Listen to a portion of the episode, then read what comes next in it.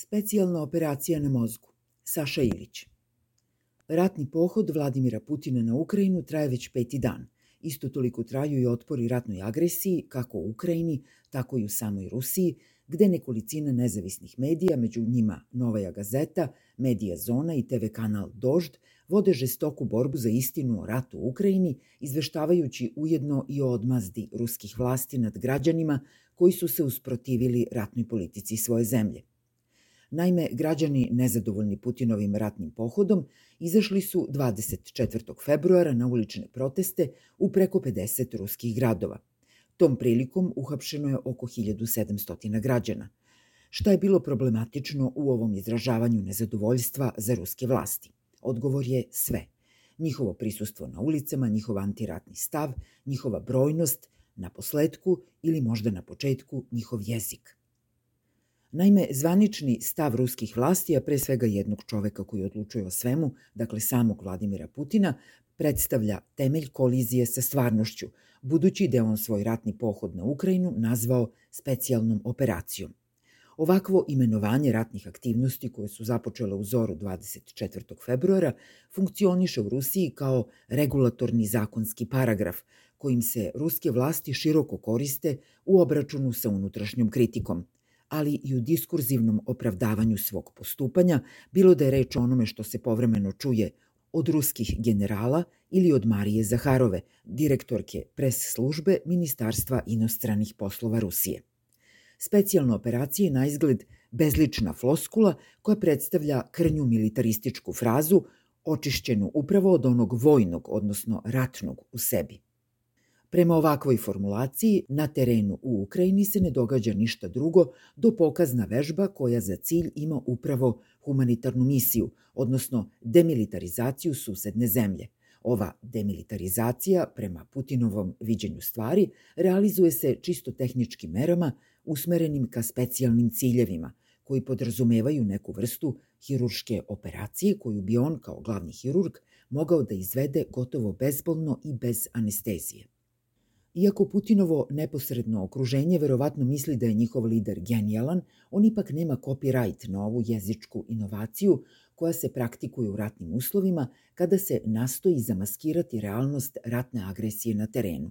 NATO je 1999. takođe intervenisao u jeziku, nazvavši svoju ratnu akciju u Saveznoj Republici Jugoslaviji vazdušnom kampanjom, što je takođe bila neka vrsta eufemizma čiji su sarkazam najdublje mogli da osete oni koji su takvoj intervenciji bili neposredno izloženi. Nešto slično bi se moglo reći i za ratne jezičke politike Srbije, odnosno Crne Gore, tokom ratova 90. godina. Opšte je poznata stvar da Srbija nije bila u ratu, kao i da je Crna Gora neposredno pre konkviste na Dubrovnik i Konavle imenovala tu akciju kao rat za mir. Posledice takvih politika su pogubne i dalekosežne. Imaju potencijal da oblikuju pravne, političke, kulturne i ekonomske procese u budućnosti, čiji smo svedoci i danas. Najnoviji primer bilo je dvodnevno porađanje zvaničnog stava Srbije povodom Putinove agresije na Ukrajinu.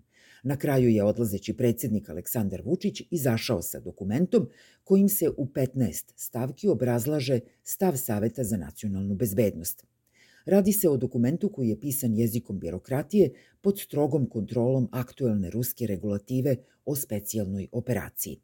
Naime, u okviru 15 fraza o besprekornosti Srbije kada je u pitanju poštovanje načela teritorijalnog integriteta i političke nezavisnosti država, ovaj dokument nijednom rečenicom zapravo ne imenuje aktuelnu ratnu agresiju Ruske federacije na Ukrajinu. Za srpsko rukovodstvo tu se radi o nečemu što se događa na istoku Evrope, zbog čega ona najiskrenije žali – Takođe, Rusija se pominje dva puta u ovom dokumentu i to u kontekstu na osnovu kojeg se ne može zaključiti kakvu ulogu ona ima u pomenutim događanjima. U dokumentu se kaže da su Rusija i Ukrajina za Srbiju oduvek prijateljske države, a srpski narod Ruse i Ukrajince smatra bratskim narodima.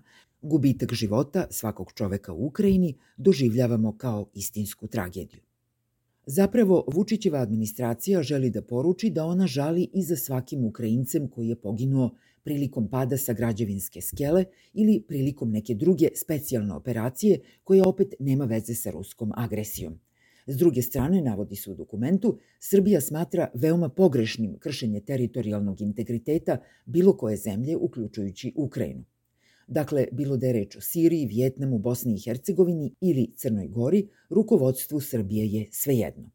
To je tobože opšte poznata stvar, pa prema tome srpske vlasti i nemaju potrebe da sada to ponavljaju u konkretnom slučaju. Ukrajina se ne razlikuje ni po čemu od ostalih država, osim što u njoj trenutno besni rat, ginu ljudi i deca, a stotini hiljada izbeglica se kreće ka zapadnim granicama zemlje. Još manje imaju obavezu da nekoga osuđuju ili uvode sankcije. Tako je Vučić elaborirao svoj stav spram ukrajinske krize, o čemu se prethodno konsultovao i sa patrijarhom Porfirijem, koji mu je očigledno pružio podršku u ovakvoj formulaciji stava o specijalnoj operaciji na istoku Evrope. Zapravo Vučić nijednom rečju nije narušio Putinovsku cenzuru koja je uvedena nakon početka agresije na Ukrajinu, izvršivši time diskurzivno saobražavanje sa kontrolisanim zvaničnim jezikom Ruske federacije.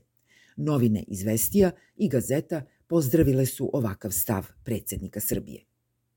Novaja gazeta, međutim, izveštava o žestokoj cenzuri koju Rusiji sprovodi Roskom nadzor, Federalna agencija za praćenje i nadzor medija i komunikacija. Već prvih dana rata ovo telo je naložilo ovom i još nekolicini opozicijonih medija da povuku tekstove u kojima se specijalna operacija u Ukrajini naziva ratom. Isto tako, policija je dobila ovlašćenje da interveniše na demonstracijama, bilo da se radi o uzvikivanju antiratnih parola ili nošenju transparenata, koji bi mogli da naruše zvaničnu predstavu o događanjima na istoku Evrope.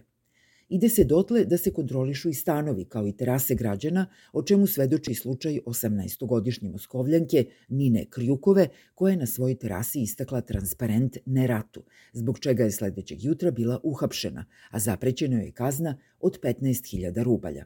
Dakle, tako to izgleda na primjeru pojedinaca koji se usprotive opštoj ratnoj kontroli jezika i života u Ruskoj federaciji danas.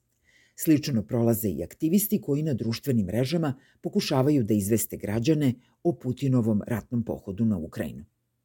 Na drugom kraju Evrope, Aleksandar Vučić se poneo kao najodaniji glasač Putinove stranke Jedinstvena Rusija, usvojivši direktivu o specijalnoj operaciji kao deo zvanične politike Srbije. Pritom on zaboravlja da onaj ko se ne usprotivi agresiji, kakvu trenutno sprovodi Putin nad Ukrajinom ili se trudi da je ne vidi, posredno i sam učestvuje u toj operaciji, ma kako je ratna birokratija definisala.